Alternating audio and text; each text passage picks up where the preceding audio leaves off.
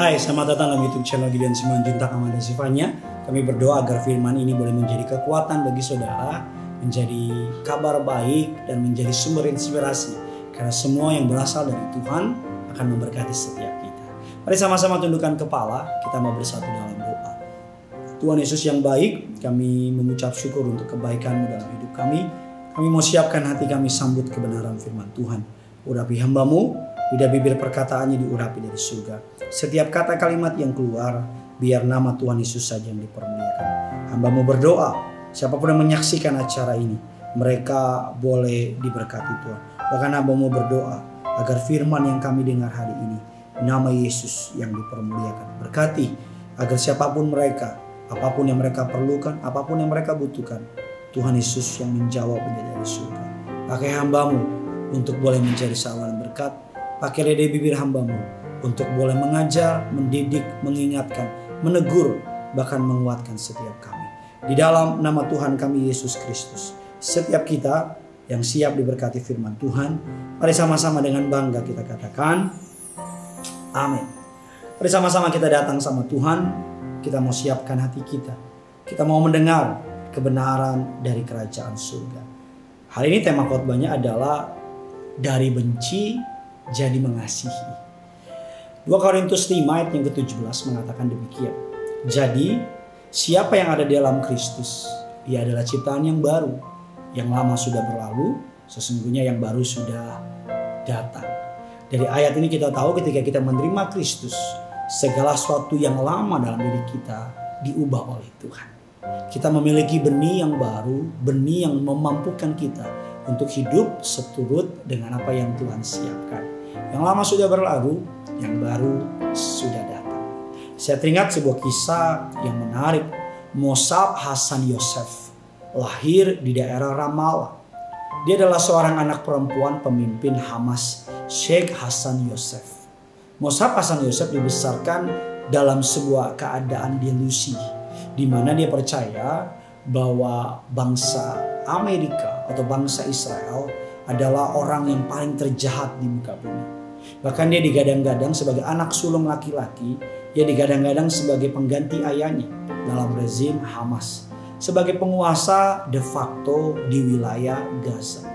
Saat ditahan oleh Sinbad, agen spionase Israel pada tahun 1996, Yosef setuju untuk menjadi informan Israel.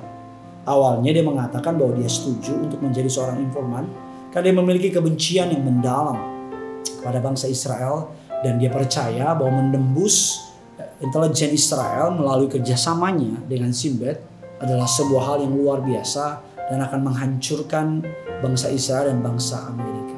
Tapi yang menarik saudara, saya tidak mau masuk ke dalam politik, tapi yang menarik katakan bahwa ketika dia mendengar kabar tentang Yesus, kabar tentang Injil Kerajaan Surga, dikatakan bahwa tahun 1997 dan dan tahun 2007 dia berperan banyak membantu menggagalkan sejumlah serangan teroris bahkan akhirnya dia dapat menjadi pengikut Kristus yang mengalami kasih Kristus.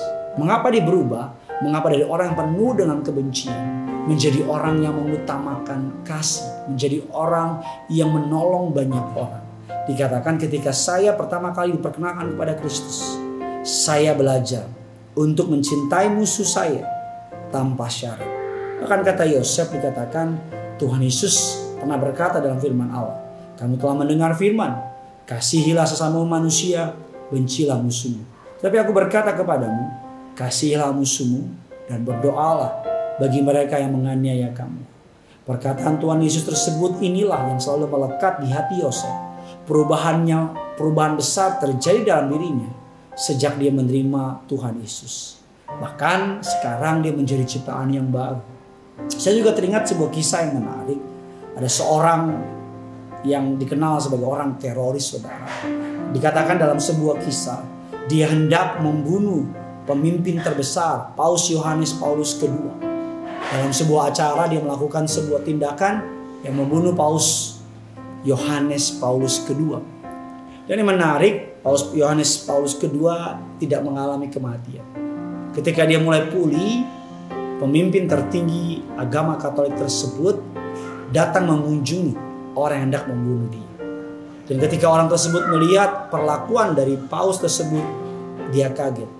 Dan dia berjanji dengan dirinya, ketika nanti saya keluar dari penjara ini, saya mau mengunjungi Vatikan. Dan saya mau bertobat. Saya percaya kita tidak pernah diciptakan untuk membenci. Saya percaya kita tidak pernah diciptakan untuk menjadi orang yang membenci musuh kita. Tuhan mau kita menjadi orang yang mengampuni. Tuhan mau kita menjadi orang yang mengasihi. Karena saya percaya ketika kita menerima Yesus Kristus Tuhan sebagai juru selamat kita. Sama seperti Yesus mengampuni kita. Kita juga harus mengampuni orang-orang yang bersalah kepada kita.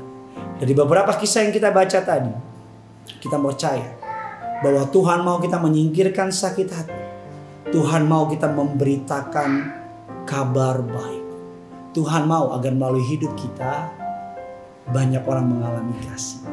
Saya tahu tidak mudah untuk mengampuni, saya tahu tidak gampang untuk melupakan. Tetapi siapa di dalam Kristus Yesus Tuhan, dia ciptaan yang baru.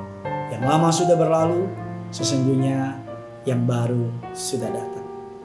Ketika kita mendengar firman ini, saya tahu Tuhan pasti mengingatkan beberapa orang yang saudara mungkin punya masalah sama orang tersebut.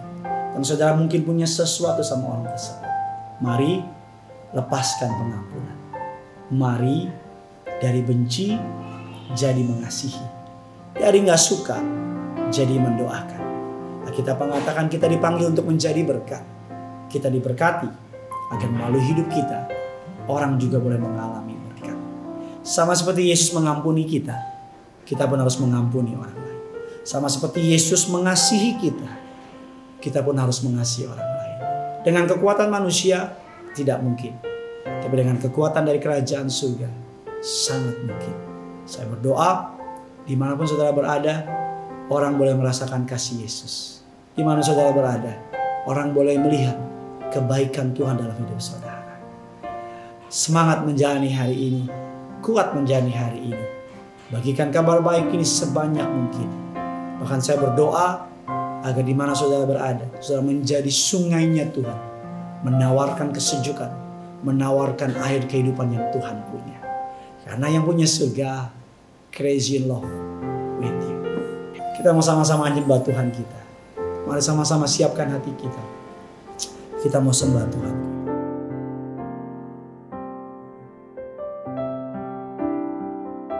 Haleluya.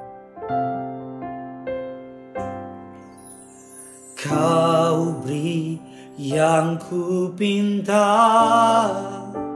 saat ku mencari ku mendapatkan ku ketuk pintumu dan kau bukakan sebab kau Bapakku Bapa yang kekal. Takkan kau biarkan aku melangkah hanya sendirian.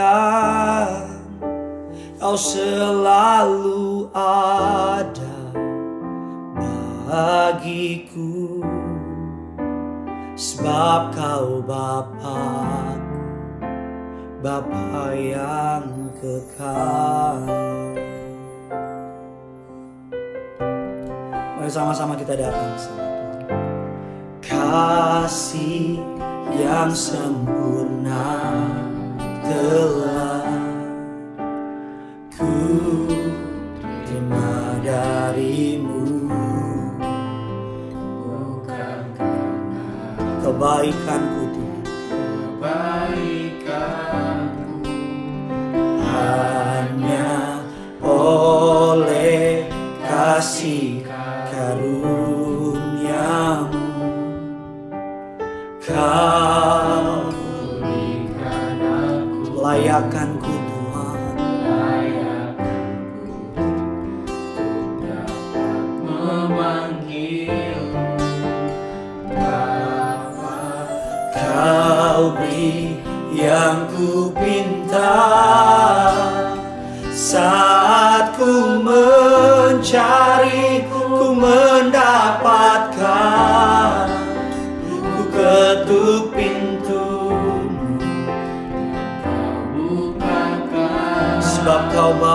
Sebab kau Bapa Bapa yang kekal. Takkan kau biarkan. Takkan Kau biarkan.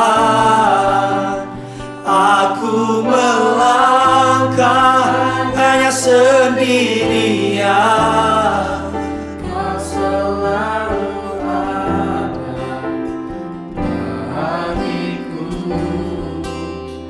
Sebab kau Bapa Bapa yang Mari sama-sama sambil angkat tangan. Angkat hatimu Bilang sama Tuhan Kau beri yang ku beri Yang ku pinta Saat ku mencari Ku mendapatkan bukakan bukakan. Sebab kau Bapa Bapa yang kekal. Takkan kau biarkan Aku melangkah hanya sendirian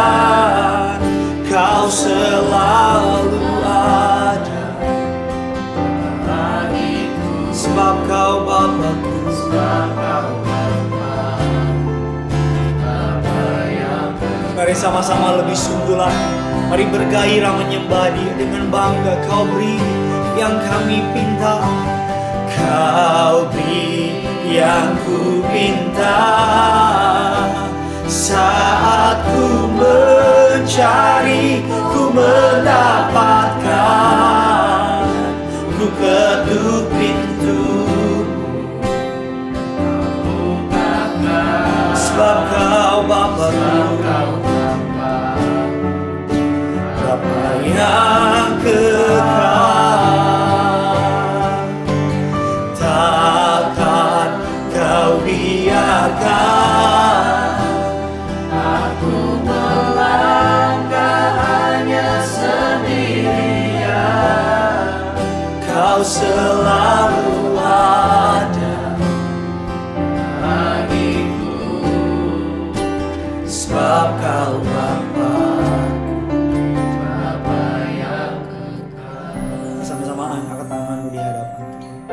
Sama-sama katakan kau beri yang ku Kau beri yang ku pinta Saat ku mencari Ku mendapatkan Ku ketuk pintumu ketuk pintumu dan kau bukakan. Sebab kau Bapa yang kekal. Kau yang kekal. Takkan kau biarkan. Aku melangkah hanya sendirian. Kau selalu ada. Bagiku Sebab kau sebab